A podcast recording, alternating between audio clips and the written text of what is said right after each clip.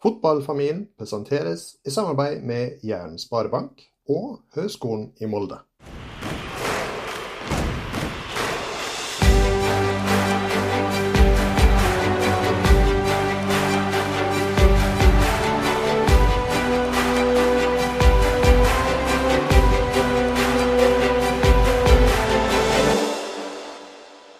Velkommen til Fotballfamilien, en podkast for deg som er glad i fotball. Mitt navn, som alltid, Anders Solfjell Gjerseth, og oppe i Molde, unge mann. Syng en sang. Nå trodde jeg vi bare skulle finne en eh, ny vri på, på introen, Ja, men det ble det ganske likt der. Ja, Men ja, Sander Gjerseth her. Supert. Du, vet du hva, i dag skal jeg, jeg har krevd å få uh, introdusere dagens gjest, fordi at dagens gjest er jo ei legende.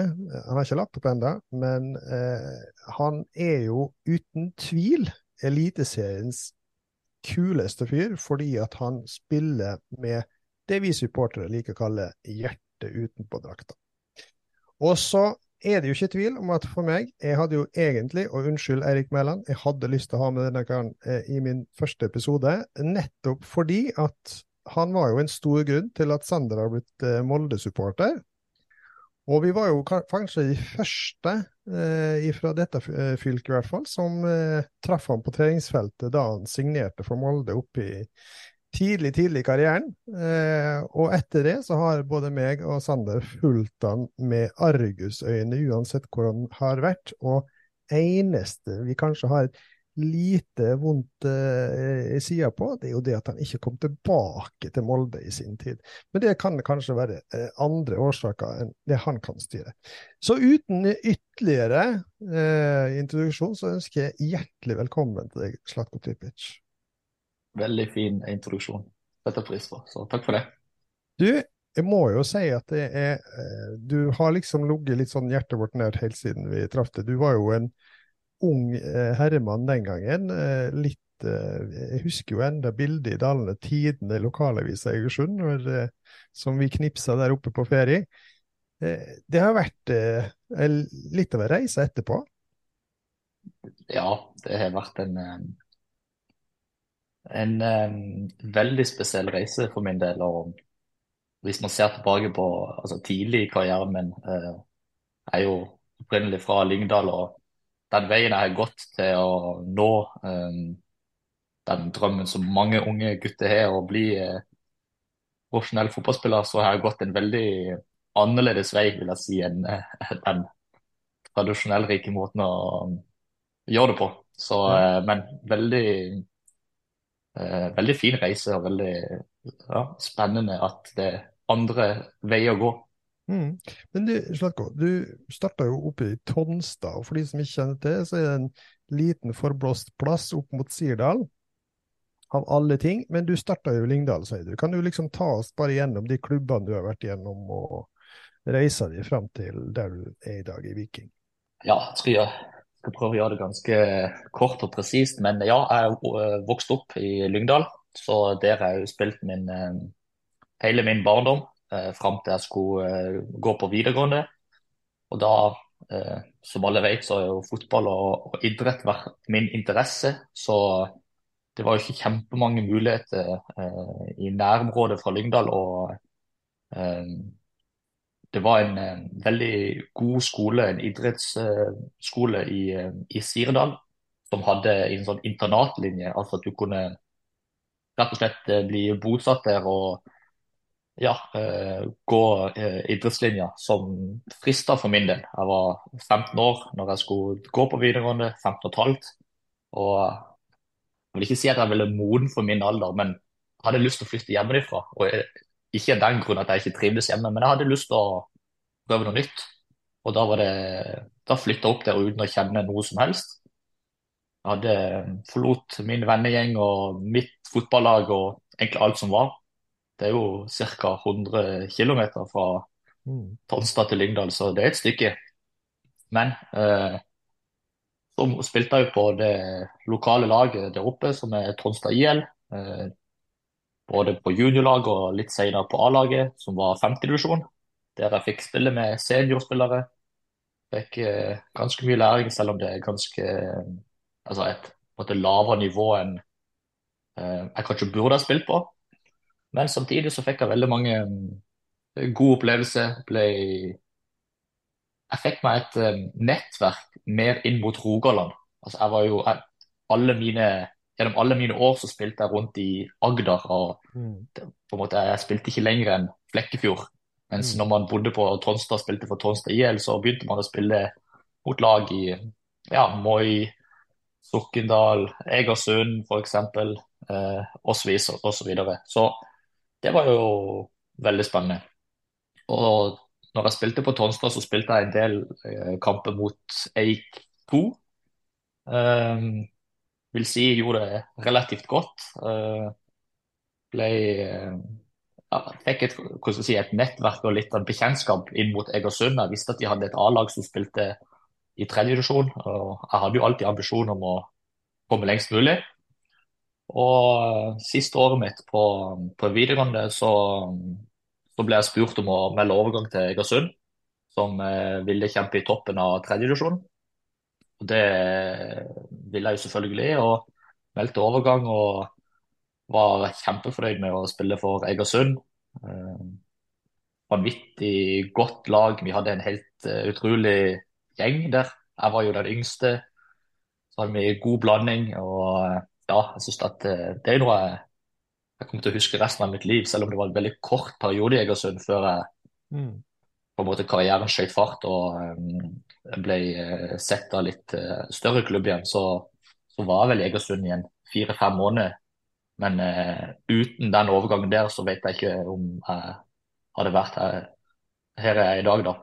Mm. Så um, var det jo veldig gøy at det var nettopp uh, på en måte Molde da som Veldig spesielt at Molde egentlig på en måte viste interesse, da, siden det er såpass langt unna Egersund og generelt eh, Rogaland. da, Så det viste jo litt at eh, det var flere lag utenom eh, lokallagene som fikk øye for meg. og da ble jeg ringt opp av Ole Gunnar og ville ha meg opp på prøvespill. Og Da fikk jeg jo sett litt hvordan Molde var som by. Og var helt ærlig så visste jeg ikke hvor det lå på kartet. Jeg visste jo egentlig ingenting om Molde. Og det er jo en ærlig sak. Du må ikke si det til kona. Jo, hun vet det veldig godt. Det, det er en ærlig sak, det. Så Jeg husker da jeg sa til foreldrene mine at jeg skulle til Molde, og de var jo litt sånn OK, hvor er det hen? Nei, det er ikke så langt fra Ålesund. Ah, OK. Um, så ble jeg kjent med laget og trent der et par dager og fikk et godt uh, inntrykk av klubben, og klubben fikk et godt inntrykk av meg. Og så gikk det jo veldig fort. Så plutselig så ble jeg Molde-spiller, så har jeg jo gått og spilt i litt forskjellige klubber i min profesjonelle karriere etter det. Men uh, utrolig kul reise. Mm. Eh, du var jo innom både Start, og du var jo i, eh, i Tyskland. Men du, du, var jo faktisk i Sheriff Tiraspol. Ja, absolutt. Var... Og det er jo litt sånn eksotisk og ikke nødvendigvis eh, like vanlig, så jeg er veldig spent på å høre hvordan var det Ja, eh, du nevnte jo det at jeg var Først var jeg noen år i Molde. Eh, så fikk jeg tilbud, siden jeg spilte Det var litt begrensa med spilletid i Molde. Jeg spilte jo for det beste laget og kjempa om seriegull og hadde de beste, største profilene. Så det er klart at min tid som 18-19-åring da det begrensa hvor mye eh, spilletid jeg kunne få. Så fikk jeg tilbud om å gå på lån eh, høsten 2012, var det vel, eh, til Fredrikstad. Ble lånt ut i noen måneder, der jeg fikk eh, masse spilletid i uh, Eliteserien. Eh, og det var kjempebra for min del, for min utvikling. Prøvde fortsatt i Molde året etterpå. Eh, på et eller annet tidspunkt så følte jeg meg mer god nok til å spille fast på et lag i Eliteserien, og det kunne ikke Molde love meg. Så selv om jeg hadde veldig fin tid og veldig god utvikling i Molde, så måtte jeg bestemme meg for å ta et valg og fortsette å kjempe eller eh, prøve å finne, eller finne en annen klubb. Og det etter to og et halvt år, hvis man ikke klarer å spille seg fast på et lag, så er det kanskje godt med et nytt miljø. Og da kom Start på banen og var der i ett år. Start eh, veldig raskt år. Gjorde et, eh, hadde et veldig godt fotballår der jeg spilte mye, skåret mye mål, masse assist. Tok steget videre til Tyskland. Eh, så var det noen år der, og så, eh, så gikk min kontrakt ut, og da måtte jeg finne veien videre. Og jeg hadde masse tilbud fra klubb i Norge, men jeg var ikke klar til å gå tilbake til Norge. Jeg syntes det var litt tidlig. Eh, så jeg avventa litt og hadde skikkelig lyst til å spille ute i Europa. Eh, så kom det tilbudet som veldig ja, overraskende da, fra Sheriff Tiraspol, men det var et lag som har hatt lange tradisjoner med å spille i Europaligaen, og det var på en måte noe som kanskje frista veldig, da. Så prøvde jeg meg der i et halvt år, og litt skade og litt si, andre ting var med og ødela litt min opplevelse der. Men egentlig en, kul klubb og spennende land, selv om det kanskje ikke høres sånn ut når man tenker Moldova. Men eh, jeg fikk eh, lært utrolig mye der på, en, på relativt kort tid før jeg kom tilbake til Norge og ja, tilbake til Viking. Og så er jo på en måte resten historie, da. Jeg må jo innrømme det at jeg har aldri lagt merke til Sheriff Tiraspol før, men de er faktisk nå, hver gang eh, de kommer i Europacupen, så følger jeg med hvordan det går med de. Det er kun derfor. Ja. Det, det, det, er ganske merkverdig hvordan en merker seg ting. Absolutt. Men eh, når du gikk fra Moldova til, til, Viking, så ble du egentlig relativt fort en ganske godt likt fyr i, i Stavanger? Ja, altså jeg fikk en, eh, jeg hadde først og fremst en veldig fin prat med Bjarne, som var trener på den tida. og eh, Hvis man ser tilbake året før jeg kom til Viking, så var mye av min eh, karriere preget av skade og, og masse trenerbytte, lite, eller varierende med spilletid. Så jeg ville ha en, eh, en viktig rolle for et lag. Jeg ville bety noe, jeg ville ha trygghet. og etter flere samtaler med Bjarne, så var dette noe han kunne tilby. og ville at jeg skulle være en av de erfarne spillerne i et lag for å kunne eh, lede an som et godt eksempel og ta klubben eh, opp til Eliteserien. For Det satt langt inne for meg å skulle spille Obos-ligaen. Det, det, var egentlig veldig, veldig nærme at jeg, jeg takka nei. For at jeg var, jeg var 25 år, og to år siden så spilte jeg i Tyskland i andre Bundesliga. Og et halvt år før så spilte jeg Europaligaen, og så skulle jeg plutselig spille Obos-ligaen det var Jeg måtte gå noen runder med meg sjøl og på en måte svelge litt av stoltheten. Eh, men eh, det viste seg å være et eh, helt fantastisk valg, og meg og Viking var egentlig en veldig god match der vi var veldig bra for hverandre. og så Det er jo en av grunnene for at jeg føler at jeg er godt likt blant våre supportere, og at jeg er veldig, veldig takknemlig og veldig glad i Viking som klubb. Mm. Du vet det, jeg må jo bare skyte inn, du det en annen eh, ganske forholdsvis kjent fotballspiller som tok det andre, samme valget. Det var jo Kjetil Rekdal i 94 når han tok steget ned fra Belgia for å spille i Molde inn mot VM. Og vi vet jo hvordan det endte. Så det er ikke alltid så dumt å ta et lite steg ned før du skyter fart opp igjen. Nei, absolutt. Og det, jeg vil si, når jeg ser tilbake på min karriere, så er dette det, det valget der jeg er mest stolt over at jeg gjorde. At og det tror jeg, jeg håper at jeg kan inspirere mange andre spillere. at uh, man, ikke, man, må ikke alltid i løpet av en karriere gå etter der du får mest penger eller uh, den aller beste klubben. Du må uh, Av og til så må man bruke god tid på klubbvalg.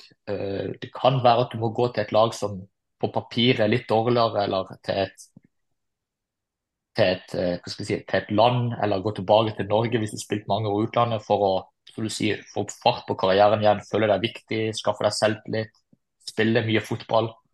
Og eh, jeg er sinnssykt Det var veldig masse reaksjoner fra veldig mange når jeg kom tilbake til Obos-ligaen. Det var, da mange som bare sa at Slatko sin karriere er ferdig, 25 år, skal spille Obos-ligaen. Dette er et, en, en flopp hvis man ser tilbake på hvor jeg var noen år før. Men eh, jeg sto i det, og nei, det er noe jeg er veldig, veldig stolt over og veldig veldig glad for at jeg gjorde. Og det, det er måte, sånne opplevelser jeg tar med meg videre i livet. der du må Av og til av og til så må du svelge stoltheten din og bare følge magefølelsen. Mm. Så hvordan var det når du da eh, videre da tok et valg om å, å gå, gå, fra Viking, som egentlig var på en ganske ja, hva skal man si, stigende kurve, og, og du sagt ja, du tok jo et steg opp, det gjorde du, men hvordan var det Og hva var det som gjorde at du gikk til, til Tyrkia? Ja, det var et kjempetøft valg. Eh, jeg hadde så fin tid i, i klubben og vi, vi vant uh, cupen som klubben ikke hadde vunnet på, på 18 år. og uh, Helt fantastisk opplevelse og minne. og Det å kunne være med fra starten og bygge opp klubben til det den er i dag, det var Og i tillegg at jeg fikk lov til å bære kapteinspinnet, er jo uh, en ære og er veldig privilegert. Så det satt veldig langt inne at jeg skulle dra. Men igjen, jeg var 27 år, hadde en god sesong i, i, i Viking. og det kom en klubb som var bedre enn Viking, fra en bedre liga. Eh, jeg hadde hørt veldig mye om tyrkiske supportere og tyrkiske kulturen. og Så for meg at dette var noe jeg virkelig ville prøve når de først kom på banen. og eh, Det var rett og slett en mulighet jeg ikke kunne si nei til. Jeg hadde, jeg hadde alltid en, en drøm holdt på å si, om når jeg kom tilbake igjen til Norge, og hvis jeg var god nok å prøve å komme ut igjen og, og oppleve noen år til ute før jeg på en måte blir for gammel. da men eh, igjen, det var veldig tøft å skulle forlate måte, det prosjektet som var i gang, og ikke minst være med og prøve å kvalifisere seg inn til Europa. Men eh, igjen var en, en, såpass spennende mulighet at jeg hadde veldig lyst til å dra. Mm. Eh, jeg syns det er en fin overgang til dagens første spalte, som skal handle om relasjoner. Spalten presenteres i samarbeid med Jæren sparebank. Det er som vi sier det på Jæren, det er jabbene som drar spør jo, Jeg har ett fast spørsmål jeg spør alle, og det er jo eh, hva tenker du, Slatko, når du hører ordet relasjoner? Nei, Det første jeg tenker på, er egentlig eh, samarbeid mellom to eller flere. Eh, eh, det er egentlig det den Altså samarbeid, eh, forståelse mellom to eller flere uh, i ulike situasjoner. Mm. Hvem er dine viktigste relasjoner, tenker du? Både på og utenfor banen? Nei, det er altså det Jeg tenker selvfølgelig at det er viktig å være en som uh, er lett å samarbeide med, er lett å fungere sammen med, er åpen for, eh, for uh, ulike meninger.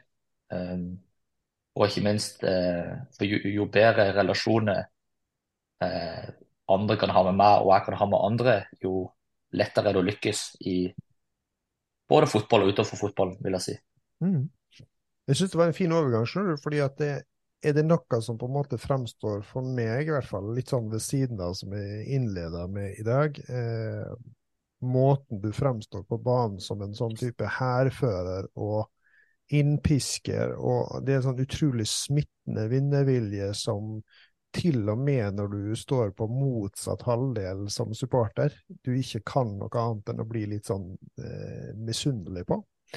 Eh, og så tenker jeg, jeg har lagt merke til du har en enorm eh, connection med supporterne òg. Eh, hva tror du er det som har gjort på en måte at du har fått en så utrolig standing da, i, i supporterhjertet? Jeg tror det jeg tror det viktigste har vært, uansett hvor jeg har spilt, at jeg har spilt med hjertet utenpå drakta. Uansett hvilken klubb jeg har representert. Ehm, jeg har et kjempegodt forhold til Viking nå, selvfølgelig. Dette er den klubben jeg har spilt lengst i.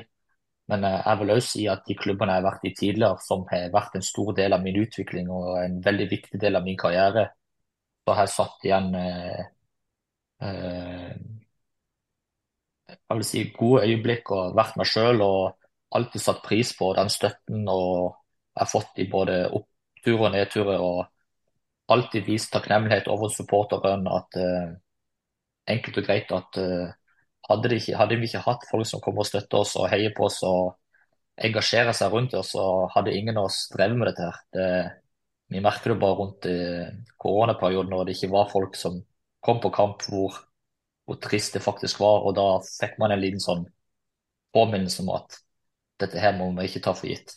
Hvor mm. mange mennesker kan man ikke glede med å gjøre dette her? Mm. Og uh, barn, eldre,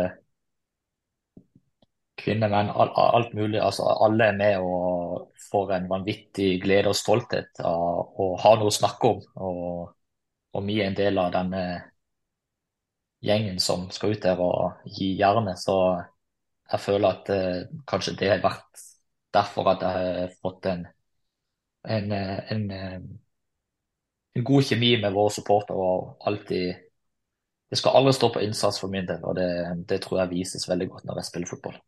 Mm. Du har jo det litt sånn eh, litt mer østeuropeiske temperamentet på banen, ikke sant? I stedet for disse her forsiktige eh, folkene her oppe i kalde nord. Men eh, hvor viktig er på en måte det med identitet og kultur og, og hva du har med hjemmefra for den enorme stoltheten og lidenskapen som du viser på banen?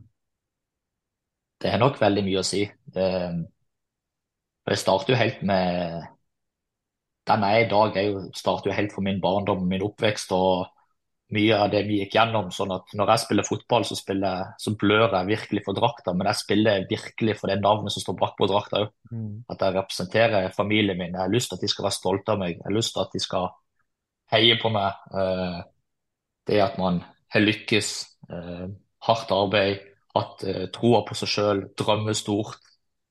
Med tanke på at utgangspunktet vårt ikke var det aller beste.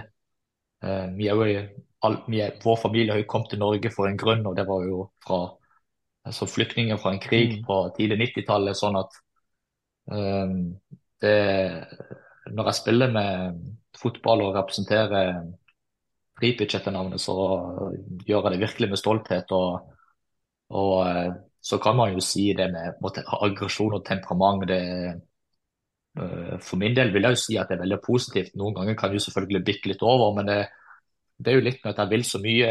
Eh, hat å tape. elsker å vinne. Og uh, det skal vises at jeg gir alt av meg sjøl og spiller med veldig mye følelse. Og når jeg er ute på banen der, så er det nesten som om jeg er en Det er kanskje litt rar sammenligning, men som jeg er en gladiator i i um, arenaen der. og det, blir, det, er derfor jeg elsker å ha Jo flere folk det er på tribunen, jo bedre er det da. Jo, mer, jo, jo bedre føler jeg at jeg får spille, og det, det er faktisk sant. Mm. Nå vet du jo, som mange vet, at du har jo blitt pappa for ikke så veldig lenge siden. Du nevner jo litt det at du vil spille for Tripic-navnet. Eh, og da lurer jeg litt sånn på eh, Føler du noe ekstra på nå at du skal imponere din lille gutt, eller altså, Nå forstår jeg ikke han like mye nå, men når han vokser opp at ja, det Slacko som er, er, er, min far, liksom, og er det noe du tenker på, eller? Nei, for å være helt ærlig så tenker jeg ikke så mye på akkurat det nå. Eller føler han er så, nei, han er såpass liten nå at han, uh, han kommer nok ikke til å huske veldig mye av min, min karriere. Da må han eventuelt se tilbake på når han blir litt større. og uh, Eh, jeg gjør dette her fordi jeg elsker fotball. og eh, Man sier jo ofte sånn at eh, eller Jeg får jo masse spørsmål om at Luka han skal bli den neste fotballspilleren. Han skal liksom spille for Viking osv. Men han skal få lov til å gjøre det, det, han har lyst til. Det er ikke sikkert han liker fotball i hele tatt, selv om pappaen elsker fotball.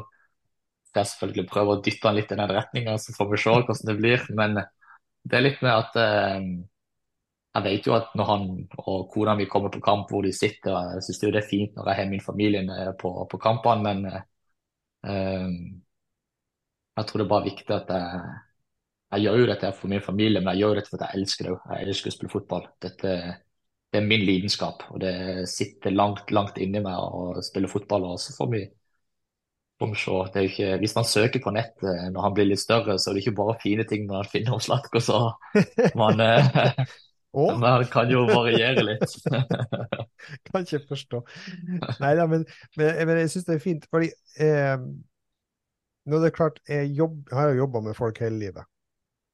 Eh, på ulike vis. Og de siste 15 årene så har jeg jobba mye med familier og foreldre og par.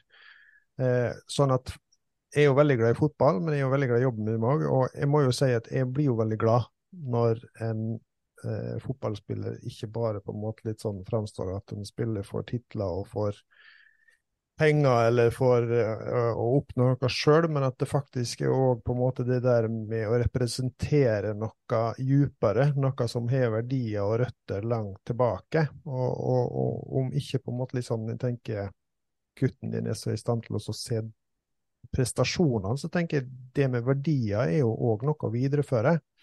Eh, jeg ser jo på en måte du, du fremstår, iallfall for meg, når jeg ser det i sosiale medier, og sånn, som du, du, du, er en utrolig kjær familiemann. Eh, er det riktig? Ja, absolutt. Hvis jeg har spurt Eh. kona di, så har hun sagt eh, der er det bare gode ord å hente. Ja, det, det spørs hvilken, hvilket humør hun er i. Men nei da, det er en Hvis du ser meg på utenfor banen, så kan jeg framstilles som veldig to ulike mennesker. Mm. Der er den der jeg kan virke litt hva skal jeg si, skummel eller aggressiv eller vil så utrolig mye. Eh, veldig sånn konsentrert eh, blikk Mm. og bare eh, går inn i en sånn en boble, så er jeg veldig, veldig rolig utenfor banen og bryr meg veldig mye om familien min. og Det, det er det som er det viktigste for meg. Og, og veldig lyst til å gjøre alt for at både hvordan vi skal ha det fint. eh, Nå, det største jeg har opplevd i mitt liv, er å få sønnen min. Og alle som er barn, vil forstå meg veldig godt når man sier det. Og det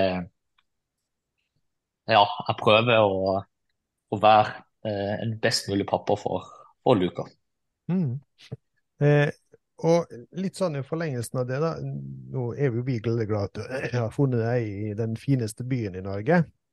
Eh, men hvordan ser du for deg sånn, Har dere slått dere til ro i Stavanger, og er det her dere kommer til å bli værende, eller reise ut til Lyngdal, eller Molde, eller Nei, det, vi har fått det spørsmålet òg en del ganger, og det, akkurat nå er det litt vanskelig å si. og meg og Anette prøver ikke å tenke altfor langt fram i tid. Eh, nå vet jeg ikke først hvor lenge jeg skal spille i Viking, og hvor, hvordan det blir med de, de siste årene jeg har igjen av fotballen. Så enn så lenge så trives vi veldig godt i Stavanger.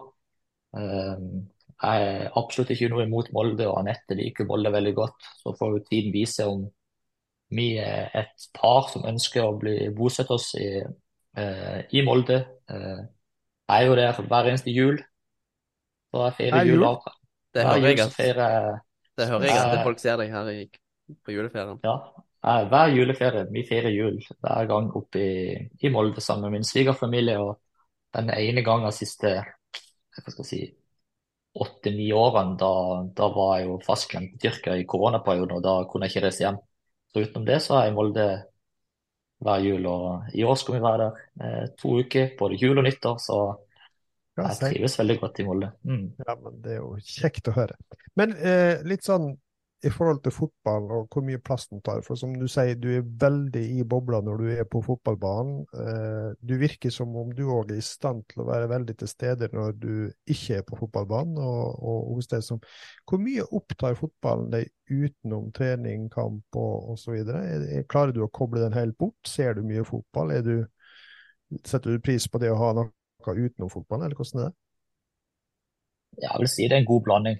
Eh, Jeg er veldig glad i fotball, så jeg ser, jeg skal ærlig innrømme jeg ser veldig mye fotball. Og det kan være Jeg får kjeft noen ganger når jeg plutselig ser eh, Burnley mot Bournemouth. Og Anette skjønner ingenting hvorfor jeg ser på en sånn type kamp, men eh, jeg syns det er gøy. Så det eh, Ja, så jeg er veldig glad i å se fotball, men eh, nå, nå er det jo klart at etter jeg fikk eh, Etter sønnen min ble født, så blir det faktisk litt mindre fotball på TV-en og bidrar litt med litt, litt flere trilleturer og eh, legging og matlaging. Så det, det er kanskje en god blanding, da. Men eh, også er jeg glad i å gjøre eh, andre hobbyer, eh, som å spille litt golf, der du ikke trenger å snakke om fotball.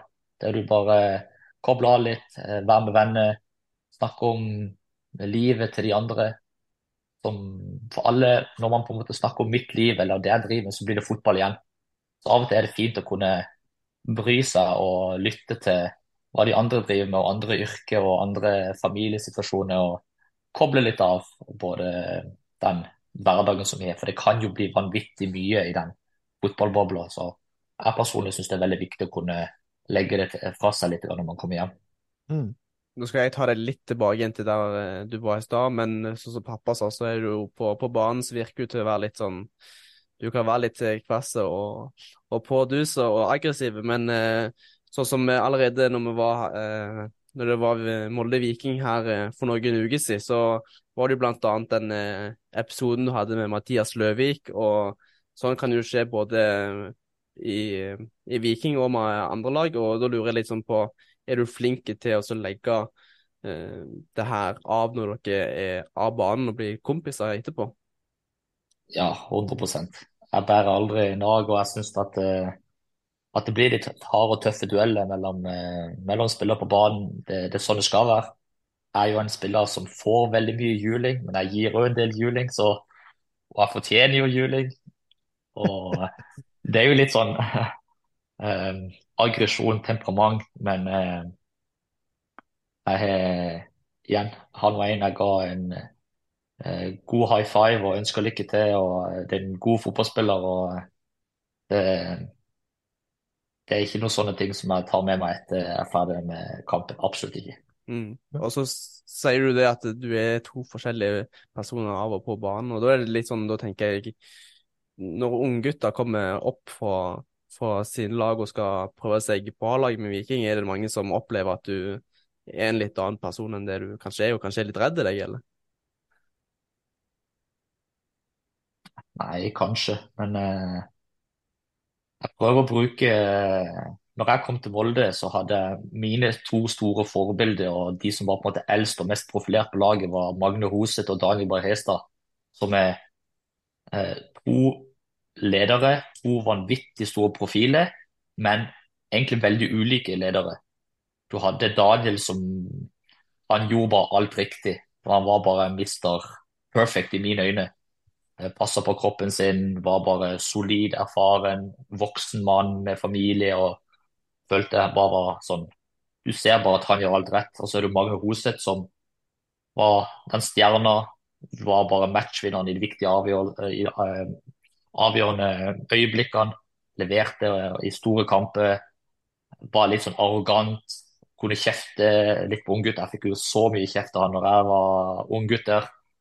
Så jeg fikk liksom erfart litt det, hvordan det var å vokse opp i måte, det miljøet og utvikle meg i det miljøet der de tok veldig mye plass. Så jeg vil si at jeg er kanskje en sånn god blanding av de to, pluss ta fram liksom min identitet oppi dette her, da. Der jeg har den egenskapen til å ha, til å legge armen rundt skuldra til gutta og gi det trygghet og støtte, men allikevel være den som bjeffer, og de skal få høre det hvis de gjør ting som ikke eh, er riktig. Og sånn at jeg tror, jeg tror hvis det er en sånn god balansegang at de ikke frykter meg, men at de, de, er litt redd for meg og respekterer meg, så vet de at de får en som kommer til å gå foran og støtte dem når de aller mest trenger det. Og jeg skal være en de skal tørre å snakke til. Men så skal de være, jeg skal jo være en som de på en måte lytte til når, når det er riktig tid for det. Fordi eh, nå har jeg vært med og opplevd såpass mye at jeg tror det er viktig at, eh, at jeg setter standarden sånn at de òg får best mulig um, læring oppi den veien de skal gå. Eh, vi skal gå over på neste spalte, som skal handle om motivasjon og læring. Spalten presenteres i samarbeid med Høgskolen i Molde.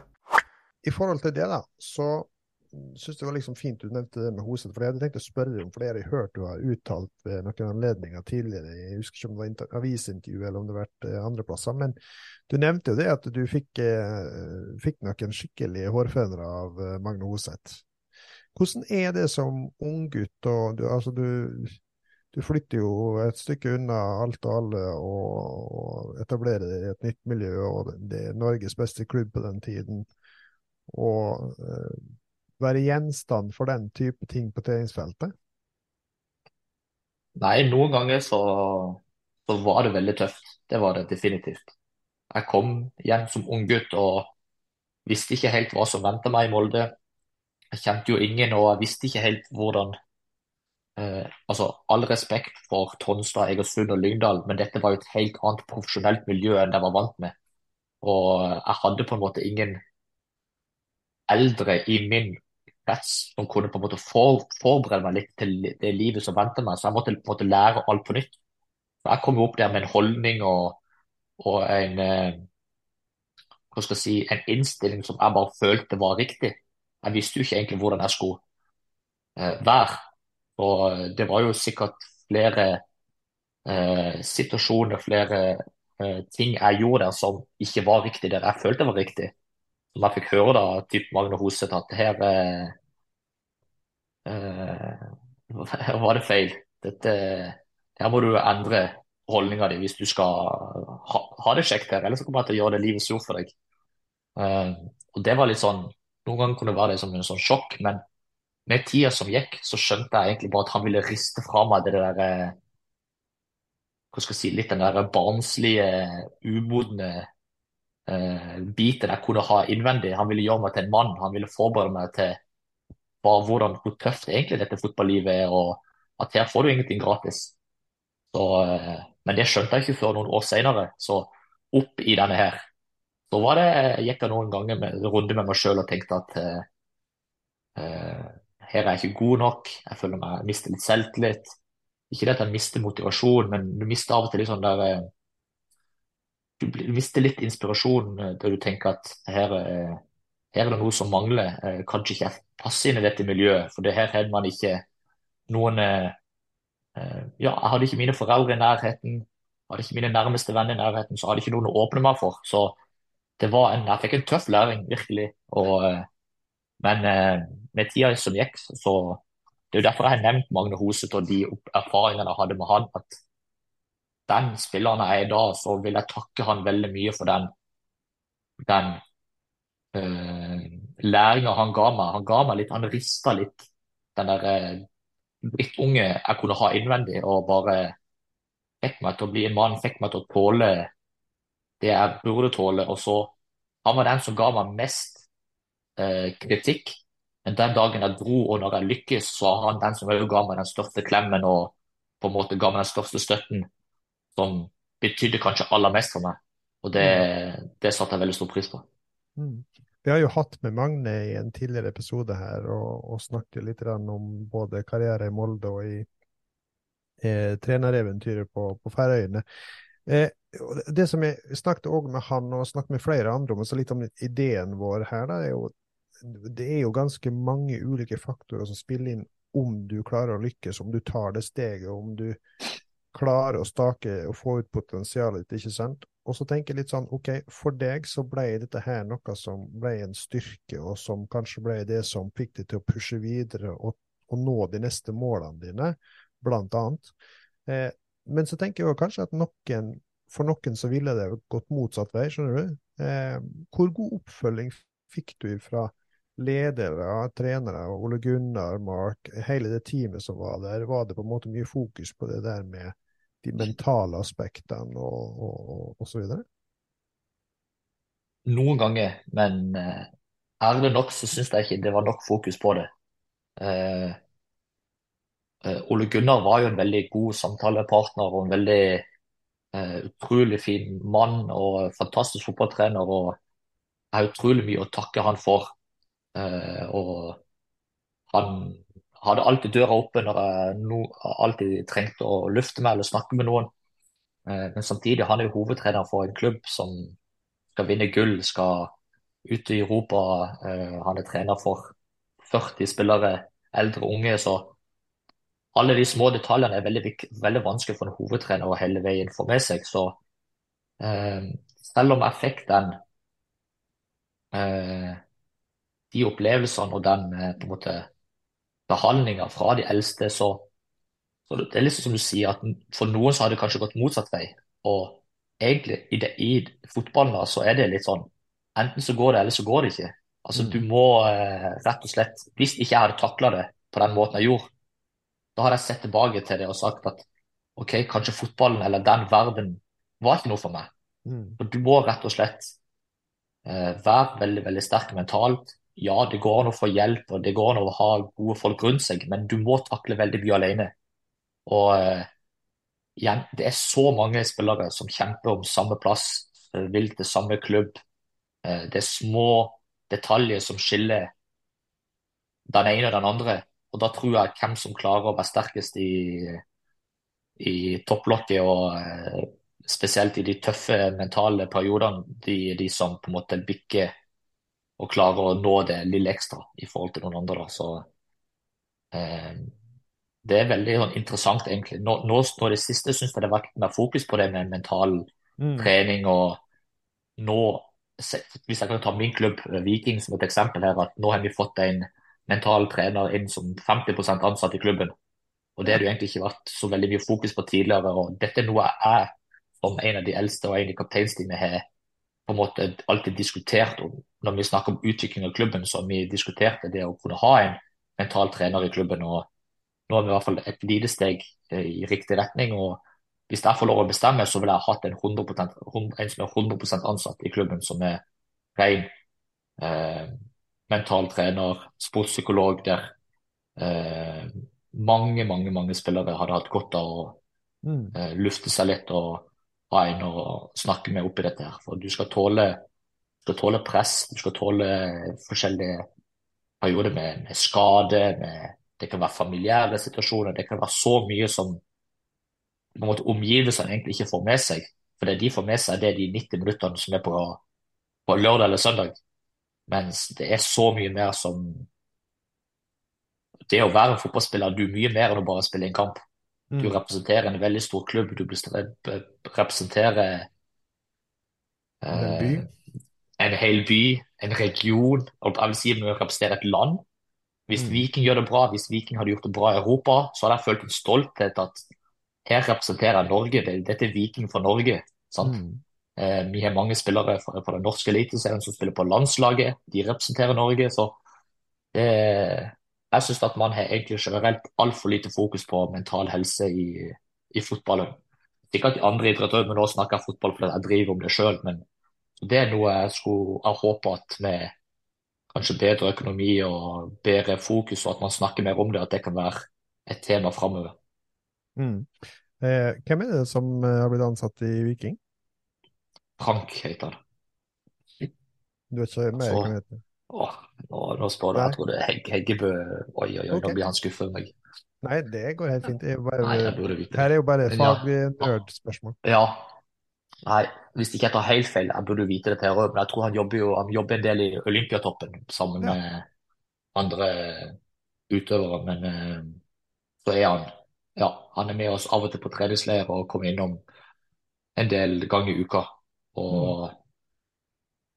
Og, og, og, så er det jo det som er litt sånn interessant nok å, ha en sånn person og en um, Hvis man kan si en psykolog, en sportspsykolog, så virker det som om at hver gang Jeg syns det var litt sånn der, eh, merkelig i starten at det var ikke så veldig mange som ville snakke med han. For det virker som om de som kommer bort og snakker med han, har et problem. Mm. Det er litt sånn der stahet kanskje vi menn har. Mm kanskje generelt i samfunnet òg. Mm. Eh, så jeg var jo sånn når jeg snakka med han, at han måtte bare han måtte ta tak i folk bare for å mm. det, det, er ikke noe galt. Det må ikke være noe galt med deg. Så jeg har hatt kjempemange samtaler med han om bare fine ting. Det må ikke være noe der jeg er stressa eller der jeg føler at jeg må fikse et problem. Men jeg føler når man hører ordet psykolog, eller hvis man snakker med en psykolog eller mental trener, så virker det som om det er, det er noe som er galt med deg. Og Det er en mm. sånn en eh, ting man, sånn uting man er nødt til å få ut når man skal snakke om det ordet der, mm. eller det yrket.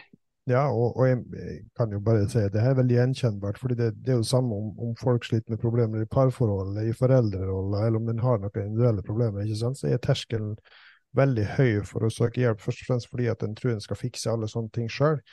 Eh, mm. og jeg, jeg, tror ikke nødvendigvis at fotballen er mindre eller underrepresentert når det kommer til liksom det med, å være litt macho og, og, og, tenke liksom det at nei, jeg skal i hvert fall ikke liksom vise at jeg er sårbar.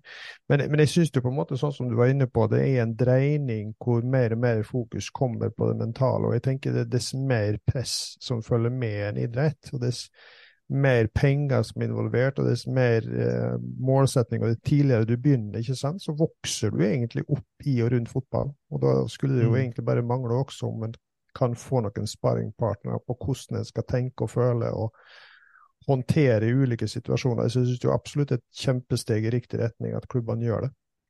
Absolutt. Og jeg syns det, det, bare er synd at det har tatt så lang tid. men eh, og jeg mener at det burde vært eh, en selvfølge for alle klubber å ha en sånn person. Og eh, det, for oss i Viking i hvert fall så har det vært en, eh, en, et steg i, i, riktig retning. En kjemperessurs. Eh, fantastisk mann som alle er blitt veldig veldig glad i. og Jeg håper vi kan bare få han eh, litt oftere til stede. Jeg tror det er kjempeviktig både for, eh, både for ikke minst for de yngre som skal opp og på en måte som du nevner der, skal på en måte håndtere dette presset. Plutselig skal du ut og spille, du skal representere en hel by. Du skal spille en kamp som det er vinn eller forsvinn om man kommer inn i Europa, og Europa betyr 50-60-70 millioner for en klubb. Dette er ikke bare bare å lese og skal bare senke skuldrene og spille en helt vanlig fotballkamp. Da kunne det vært veldig godt for noen å bare fått litt hjelp hvordan man skal håndtere ulike situasjoner. Og ikke minst, eh, jeg kan være ærlig og si at jeg, brukt, jeg snakka kjempemye med Frank. Mm. Det å uh, tørre å være uh, Selv om jeg er på en måte en av de mest erfarne spillerne i gruppa, så, så er jeg kjempemye å lære. Både det om, om uh, hvordan jeg kan være et best mulig eksempel for resten av gruppa, hvordan jeg skal håndtere press, hvordan jeg kan ja, være den beste versjonen av meg sjøl. Og så har jeg hatt mange samtaler med han der vi bare rett og slett snakker om familie. Det å være pappa for første gang. Det å skulle gifte seg. Så deler han noen erfaringer hos seg.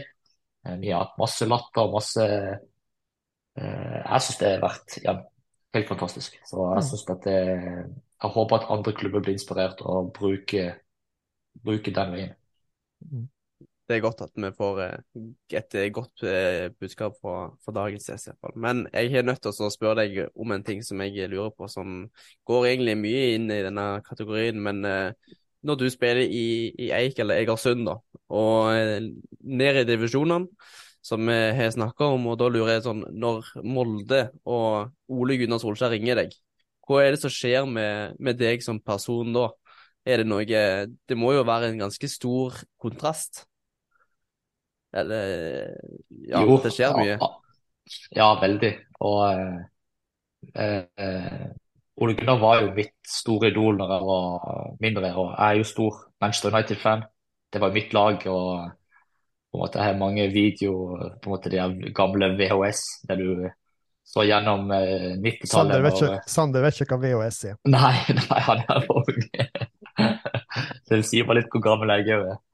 Uh, så der, eh, der har jeg sett uh, mye av Solskjær opp gjennom årene. og Kult at det var en nordmann som spilte i Premier League. Så når plutselig en dag uh, sto han, eller fikk en telefon fra han, så jeg skal si, det var veldig merkelig, for å være helt ærlig, men veldig veldig stas. og Jeg var jo veldig, veldig nervøs første gang jeg traff han, og jeg var egentlig veldig nervøs i den telefonsamtalen. Jeg tror ikke jeg husker noe av det vi snakker om. Det eneste jeg husker at han nevnte at han ville gjerne ha over prøvespill, og at det skulle komme så mye hvor det blir bedre kjent. Og, men det, det, det, som er så fascinerende, da, dette er jo Solskjær et unikt eksempel på, da, vil jeg si. At han er jo bare en helt vanlig mann. Altså, han er Solskjær, men han, selv om han er så stor som han er, så er han bare ydmyk, jordnær. Eh, bryr seg om alle sammen. Bryr seg om alle, Uansett hvor vi reiste i verden og spilte kamper, så tok han seg tid til supportere tok han seg tid til eh, familie. Han tok seg tid til pappa når han var med når vi skulle signere. Han husker navnet til faren min, så ett år senere, når vi spilte i Stavanger mot Viking, så kom jo pappa for å se kamp. Viking Molde.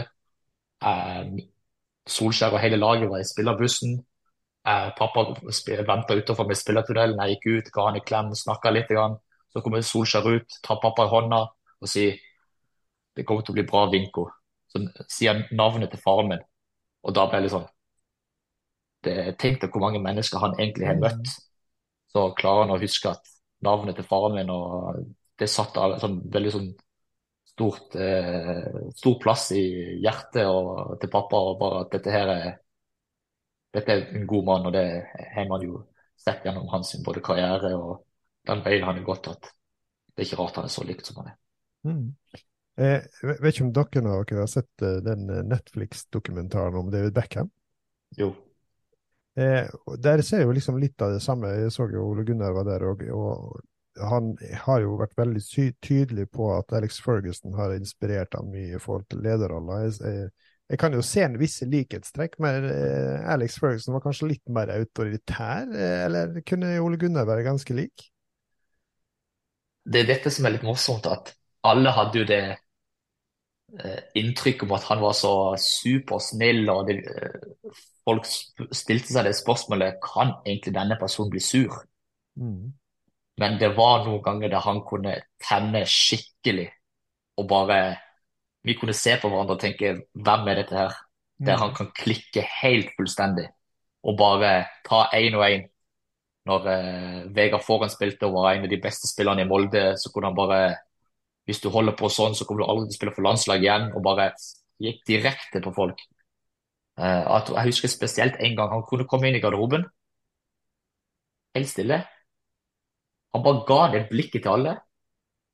Han, han så bare så skuffa ut. Han sa ikke ett ord, og så bare gikk han igjen. Og vi sitter der hele gjengen og bare Hva skjedde nå? Det var så Han var bare, han var bare så skuffa over det vi leverte, og vi alle bare skjønte at OK, her må vi steppe opp. Og da har du de lederne i laget som Daniel Hoseth, Espen Bugge Pettersen, Kristoffer Vatshaug og de litt eldre gutta så var det bare sånn OK, nå skal vi vi skal få han til å prate etter kampen. Så det var liksom sånn Han hadde sine øyeblikk. Det var ikke ofte, men han hadde det. Nei, og, og, og, litt sånn i og med det jeg sa at spalten skal handle litt om motivasjon, det er en liksom rød tråd. fordi at vi har ulike måter å tenne spillere på og motivere mennesker og få folk til liksom å ta mer tak, ta mer ansvar. ikke sant? Eh, nå har du en lang spillerkarriere bak deg, og du har hatt mange trenere og andre du har, eh, har møtt på veien. Eh, hvem er de beste som du kan tenke tilbake på, som de beste motivatorene, eller de som på en måte kanskje har klart å Det er liksom kompleksiteten i trenerrolla, da. og for, Selv om vi på en måte gjerne vil ha flere mentaltrenere òg, så må du jo som trener også være god med mennesker. Eh, hvem har liksom vært dine, som du tenker tilbake på foreløpig i hvert fall, som de som virkelig utmerker seg? Nei, jeg synes at eh, gjennom alle de trenerne jeg har hatt, så er det utrolig mange forskjellige personligheter. Utrolig mange forskjellige lederstiler som har på en måte inspirert og motivert meg på ulik måte. og Jeg vil jo selvfølgelig alltid Som fotballspiller så tenker jeg at den treneren som gir deg mest tillit, er ofte de trenerne du er mest glad i. Sant? For alle vi spillere vil jo eh, spille mest mulig og sitte med den følelsen at jeg, jeg fortjener å spille. Eh, Ole Gunnar sitter selvfølgelig veldig veldig høyt hos meg. Det var han som ga meg min første profesjonelle kontrakt. Han så meg når han så meg med noen øyne som ikke mange andre gjorde. Der jeg følte meg litt sånn eh, uh, Ja, jeg ble veldig veldig takknemlig for den muligheten jeg fikk, og var veldig tok vare på meg og var litt som en sånn farsfigur for meg når jeg var veldig ung i Molde, i et miljø som var veldig eh, Vi var det beste laget, og ikke lett å bare komme der som en ung gutt fra sør-vest. Så så han, han vil jeg absolutt rangere som helt, helt i toppen. Og, og Bjarne Berntsen var en veldig viktig person for meg i, der jeg trengte trygghet. og en, Jeg fikk en lederrolle tidlig, jeg fikk selvtillit. Og han ga meg en sånn standing i en klubb eh, som jeg egentlig ikke visste at jeg hadde i meg, nesten. Og han viste meg en respekt, og vi hadde en veldig sånn gjensidig respekt til hverandre. Der han, der, når det ble litt overtenning fra min side, så kunne han òg være veldig streng. Men samtidig så kunne han være den som ga hånda, tok hånda rundt skuldra og var den som ga meg mest støtte. Så Bjarne var absolutt en av de uh, trenerne som klarte å få det beste ut av meg. Så, og ikke minst uh, disse, de trenerne som vi har nå i Bjarte Ludåsen og Morten Jensen, som har fortsatt videreført litt den den rollen jeg hadde når jeg spilte under Bjarne Berntsen, for da var vi begge assistenttrenere. så de mm. så de, Vi deler litt av de samme verdiene og har veldig sånn gjensidig respekt for hverandre. Uh, den erfaringen jeg har fra utlandet, så det er såpass kynisk utlandet at du får nesten ikke tid til å opparbeide et forhold til trenere. Men de kommer der på veldig lånt tid, vil jeg si. Uh, det er veldig sjelden du har en trener i tre-fire år der. For det er ting så Det er større, større klubber, mye mer penger i klubbene, mye større ressurser så, og mye mer resultatbasert. Så det var jo I Tyskland så hadde jeg jo tre trenere på seks måneder. så Det var så vidt jeg klarte å lære meg navnet til han ene før han røyk. Så det er litt, eh, litt annerledes eh, forhold til trenere der. Ja, og, ja sånn det. Når du da sier det at det er litt på låntid, hvilken innstilling er det du går inn med sjøl når du er gått til utlandet? Da går du inn med den ja, Hvilken innstilling er det du går inn til å bli kjent med dem, liksom? Eller er det du, sånn du er litt sånn tilbakeholden siden du tenker det som du sier, at det er litt på, på låntid? Nei, for man vet jo aldri hvor lenge det varer. Men eh, jeg tenker at de, de trenerne i utlandet eh, det er kanskje en sånn egen ta mm, taktikk de pleier å ha, jo at de du får veldig sjelden et veldig veldig nært forhold til dem. De er sjefen din, de er treneren din. Ja, du har en del samtaler med dem, men ikke på samme måte som kanskje man har med norske trenere. Der en type Ole Gunnar Solskjær spør om min familie. Når vi plutselig har en landslagshelg, så sier han vil ikke du reise hjem og besøke familien din. Jeg vet at det er lenge siden. På en måte bry seg litt om det der menneskelige. Mens eh, når man er i utlandet, så er du på en måte litt alene, og det handler mer om hvordan han skal få det beste ut av deg som en fotballspiller. Så eh, eh det, man får et annet eh, forhold, selv om man har gjensidig respekt. At dette her er hovedtreneren, han som henter deg, han som skal ta ut laget. og Det er han man må imponere for å få en plass i et lag. Så man må, man må tilpasse seg litt. og det, det, er litt annerledes eh, hverdag, absolutt. Mm.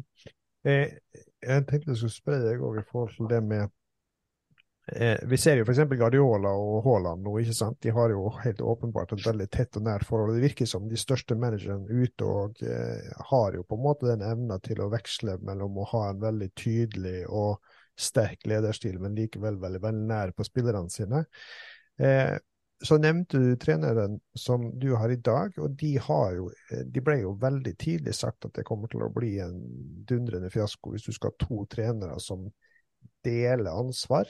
Eh, og historien har vel vist at det har vært vanskelig, men de er vel en av få som har klart det. Eh, hvordan er det for dere spillere å ha to sidestilte hovedtrenere, for det er jo litt annerledes? Ja, det er litt annerledes, men samtidig så har så har ikke spillergruppa tenkt så mye over det egentlig helt fra starten av. Eh, det var mer den der tittelen som på en måte omgivelsene eh, kunne sette seg litt inn i. og eh, så Om en av de var egentlig hovedtrener og en av de var assistent, hadde ikke hatt så veldig mye å si for oss. Så Det som de har vært fantastisk flinke på, det er at de har så stor respekt for hverandre. De er ledere begge to på litt ulik måte. Du er en som er litt mer verbal, han andre er litt mindre. Han andre er litt mer glad i pressen og det der eh, forholdet seg til styret og supporterne.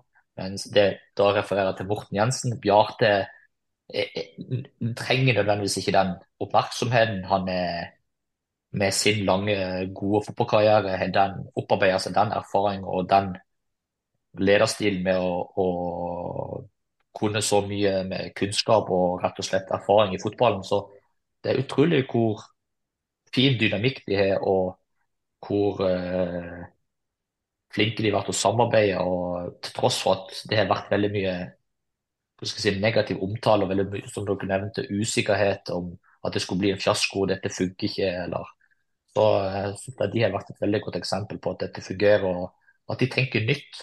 Hvorfor skulle vi Hvorfor skal på en måte en tittel eller det å være en assistent eller en hovedtrener eh, Hvorfor kan ikke begge bare utfylle hverandre og så bare bli med en mye bedre enhet sammen som to hovedtrenere? Så jeg syns det er litt gøy at de tenkte litt nytt. og mm. Man trenger nye opplevelser og nye eh, innspill i denne fotballverdenen. Mm, nye impulser. Det er jo det som jeg, Nå har jeg skrytt så mye av Viking med de ulike eh, gjestene vi har hatt så oss. Det kan ikke fortsette å skryte mer, for da, da, begynner jo folk å lure hvor eh, tilhørigheten min ligger. Men jeg skal si det en gang til, at jeg syns det har vært utrolig spennende å se hvordan ifra Erik på toppen eh, som leder, som var en av de første gjestene vi hadde med, og som jeg må innrømme, jeg fikk en veldig stor respekt for måten han tenkte, måten han inkluderer, måten han så sin egen posisjon i forhold til mange andre. da. Eh, og, og, helt ned til spillergruppa. Det er åpenbart at den gjør mye riktig. men så hvis du skal tenke litt sånn eh, for årene som kommer, da. Eh, som du sier, du vet ikke hvor lang en fotballkarriere er, og du vet ikke hvor lenge du blir der du er nå. Eh, hva er dine største Hva driver deg fremover? Hvor, hva er liksom du virkelig drømmer om å oppnå som du ikke har oppnådd ennå? Um, jeg har selvfølgelig uh, lyst til å vinne noe igjen med Viking. Uh, nå er, det her er kontrakt, og det her er størst uh, tilhørighet akkurat nå. og Har en veldig sterk posisjon i klubben. Trives utrolig mye. og Jeg har fått lov å oppleve, vært så heldig å oppleve det å kunne vinne en cupfinale med klubben, så jeg ønsker å oppleve det igjen. Det å kunne spille en Ullevål-kamp eh, eh, Ja, det alle drømmer om det. Det er helt fantastisk. Så, eh, og ikke minst, eh, vi fikk smake litt på det i fjor, det å kunne spille ute i Europa. Det, det var vanvittig kult. Jeg hadde noen opplevelser med det i Molde, og husker det, hvordan det var å reise til ulike land og skulle konkurrere, og ikke minst kjenne på den kynismen som venter deg ute i Øst-Europa.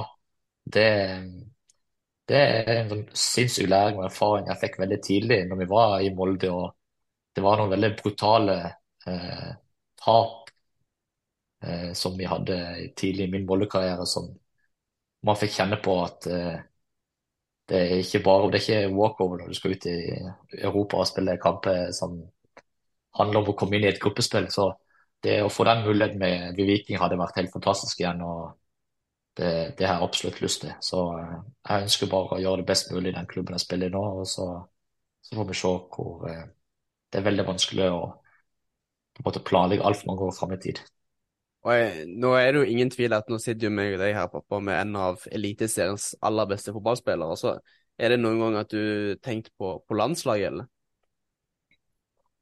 Ja, jeg har sagt det tidligere i år at uh, spesielt den, når det var rundt sommer og vi hadde en veldig flyt i laget og jeg følte at jeg gjorde det veldig bra og leverte jevnlig, gode kamper. At eh, eh, kanskje jeg var naiv når jeg tenkte det, men jeg hadde en drøm og et håp om å bli ringt opp av, av Ståle og jeg følte meg klar for den oppgaven. Jeg har vært veldig nærme flere ganger. Og jeg vet at jeg sikkert var i, i diskusjon om å bli tatt opp. Men eh, så blir jeg jo snart 31, og det kommer en ny generasjon opp. og eh, Kvikke talenter, spennende talenter som spiller i større liga enn meg. Så konkurransen er vanvittig stor. Jeg vil jo si at vi heter, eh, Selv om vi ikke sikkert vi klarer å kvalifisere til et mesterskap nå med det laget, så er det et av de mest spennende landslagene vi har hatt i moderne tid. så jeg skjønner jo at konkurransen er stor, men eh, man skal alltid ha noe å strekke seg til. og Det, mm. Det vil alltid si er en av mine største styrker i fotballen. At jeg er ydmyk nok til å skjønne at, at jeg er litt for gammel til å kanskje bli tatt ut. Men jeg, jeg kommer aldri til å gi opp. Så Den dagen jeg blir 35 år, så skal Hvorfor ikke? Hvis, hvis jeg blir ringt opp, så skal jeg være klar for å ta oppgaven, og så skal jeg gjøre det mitt aller beste for å representere både den klubben jeg spiller for i, og ikke minst landet. Det må jo litt eh, krone karriere, da. Eller ikke krone karriere, men være en, med tanke på den reisa du har hatt, så må det være en veldig, veldig stor motivasjon for, for andre yngre fotballspillere. Absolutt. Det, jeg har vært heldig å oppleve utrolig mye. Jeg har opplevd eh, jeg har vunnet seriegull med Molde, vunnet cupen, vunnet cupen med Viken som kaptein. Jeg har spilt i utlandet i tre uh, forskjellige land. Uh, Tyskland var, når jeg var yngre, så uh, likte jeg Eller jeg så at det var mest realistisk for meg å komme til Tyskland. Premier League var selvfølgelig alltid drømmen, men det var noe med den der tyske hardtarbeidende uh, mentaliteten som jeg likte veldig godt, som jeg følte at jeg hadde passa inn i. Så jeg fikk på en måte oppleve alle drømmene mine.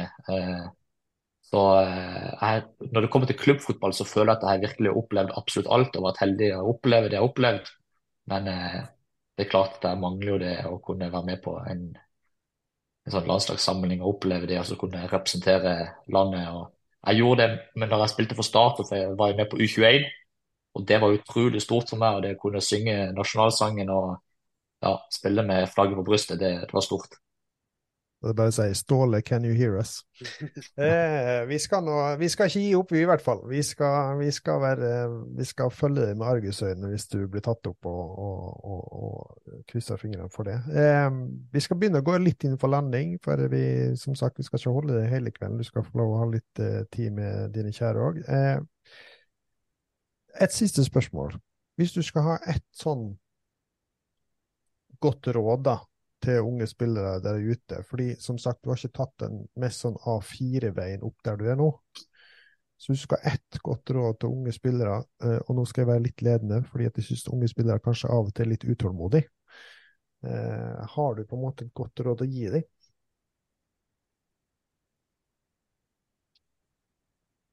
det er sikkert veldig mange som har sagt det der jobb hardt, ha trua, drøm stort, og det må selvfølgelig ligge i bunn, men man må, kanskje det med å Det fins andre veier til suksess enn den mest åpenbare, og ikke minst, det fins ingen snarveier. Du må, du må gjøre det harde arbeidet, du må gå gjennom eh, tøffe perioder, og litt det Kanskje man må spørre seg selv det spørsmålet hvorfor fortjener jeg denne sjansen og ikke noen andre? Hva er det jeg gjør som gjør sånn at jeg fortjener den sjansen? Så, og ikke minst, når man får den muligheten, ta vare på den. Ikke ta det for gitt. Og Det kan jeg se veldig mange i opp gjennom min karriere, at unge gutter som har kommet opp og kanskje hatt et ekstremt talent og potensial, men aldri nådd, for de tenkte at nå har de bare nå har de på en måte oppnådd alt, da. Mm. Men det er da det harde arbeidet starter. Mm. Sånn at eh, selvfølgelig, man må ha store drømmer, man må jobbe steinhardt, trene mer enn alle andre. Og når man, når man føler at man har nådd målet sitt, skaff deg nye mål. Det er da det harde arbeidet starter. Det høres veldig ut som det Håkon Grøtland sa i, i poden for ikke så Mm. lenge siden. Når du er her på landslaget, det er da jobben starter. Mm. 100 Det var en sånn en ting jeg lærte når jeg var i start, at man hører veldig, veldig ofte at når man snakker om måte, de som er på benken, de som ikke er i tropp, at de må trene hardere enn de som spiller. Sant? At du må trene hardere enn din konkurrent. Så hvis du er skada, så må du trene hardere enn når du spiller fast. Men jeg, jeg klarte også å snu litt den holdninga i at når jeg spilte en god kamp, når jeg skårte et godt mål, da trente jeg enda hardere. Så selv om du er god, selv om du spiller, så må du trene enda hardere, for du vet at det er alltid noen som puster deg i nakken. Mm. Så hvis jeg skårte på uh, hvis jeg skårte på straff eller frispark, da trente jeg enda mer på straff og frispark. Da tok jeg enda en økt i gymmen. Det må ikke være sånn at du blir tatt ut av laget. Ah, OK, da skal jeg trene hardt. Mm. Da skal jeg ta den ekstra økta på mølla. Da skal jeg jobbe ekstra i ferien. Men nå når jeg har fått en rolle som en etablert, god eliteseriespiller, kaptein for et lag, det er nå jeg skal trene ekstra hardt. Så Det er, sånn, det er en sånn en ting som jeg har hatt eh, som måte, motivasjon, og kanskje sånn, vært min greie. da, at ingen skal ta meg på det. Så får de eventuelt være vanvittig gode hvis noen skal ta meg ut av laget. Litt på en måte den holdninga, da. Så eh, man vet, man ser det jo bare at det kommer opp gode talenter. Generasjon, eh, generasjonsskifte, og det er utrolig mange gode fotballspillere. Så eh, det, det er når man gjør det bra at man skal trene enda mer. Mm. Du, jeg synes det var ekstremt kloke ord å begynne å runde ned sendinga med, så jeg skal ikke fucke det til med å begynne å rote på det andre spørsmål. Jeg skal bare stille spørsmålet. Hvordan har det vært å være med oss denne timen? Veldig kjekt. Veldig Jeg har fått med meg noen eh, podkaster og sett en del av gjestene som har vært, og så det er kult. Veldig, veldig stilig at dere som far og sønn gjør det på den måten. Fantastisk. Det, er imponerende. og det, Dere er flinke. Veldig flinke. Og så ikke minst at det Jeg syns det er interessant når man snakker om fotball, at man ikke bare snakker om 4-3-3, og ikke bare snakker om dommer, ikke snakker om VAR, ikke snakker om offensiv, defensiv. Skjønner du litt, litt det som alle andre snakker om? Men jeg syns at de temaene som dere går inn på, eh, det der eh, menneskelige eh, aspektet av det, og ikke minst ja, ja, motivasjonen til ulike personer. Jeg tror det jeg syns i hvert fall det selv er veldig interessant, for det er så mye som mange har å dele. og man må ikke alltid snakke om det alle andre snakker om i media, som kan være litt kjedelig. Det var målet vårt òg, så det er jeg veldig glad for å høre. Du, eh, da skal vi først og fremst egentlig bare si tusen, tusen hjertelig takk for at du tok deg tid til å være med oss denne timen en sen kveld. Eh, så får du unnskylde til din kjære for at vi har lagt beslag på deg eh, i prime time. Og så, Sander, du har som vanlig noen oppfordringer til eh, folk der ute? Ja, det er abonnere på oss der de hører på podkast. Gjerne eh, følge oss på sosiale medier, og så kan man eh, abonnere på oss på YouTube hvis, hvis noen liker å se på videokast. Men det er ikke like ofte det blir lagt ut der. Du, da skal jeg avslutte med eh, en liten innersvinge. Så skal jeg si at selv om jeg vet at eh, Viking har blitt eh, veldig nært hjertet ditt, Slatko, så håper jeg at jeg får lov å oppleve i min levetid unge Luka Tripic i Molde-drakt. Så eh, Sander, du får bare sørge for at eh, tidlige scouter fanger han opp. Ja. Det var også veldig bra ja, Hils masse til eh, resten av de vi har snakket med inne i Stavanger. Lykke til med resten av sesongen. Eh, og tusen takk for at du var med oss i kveld, Slatko. Takk for det. Det var veldig kjekt.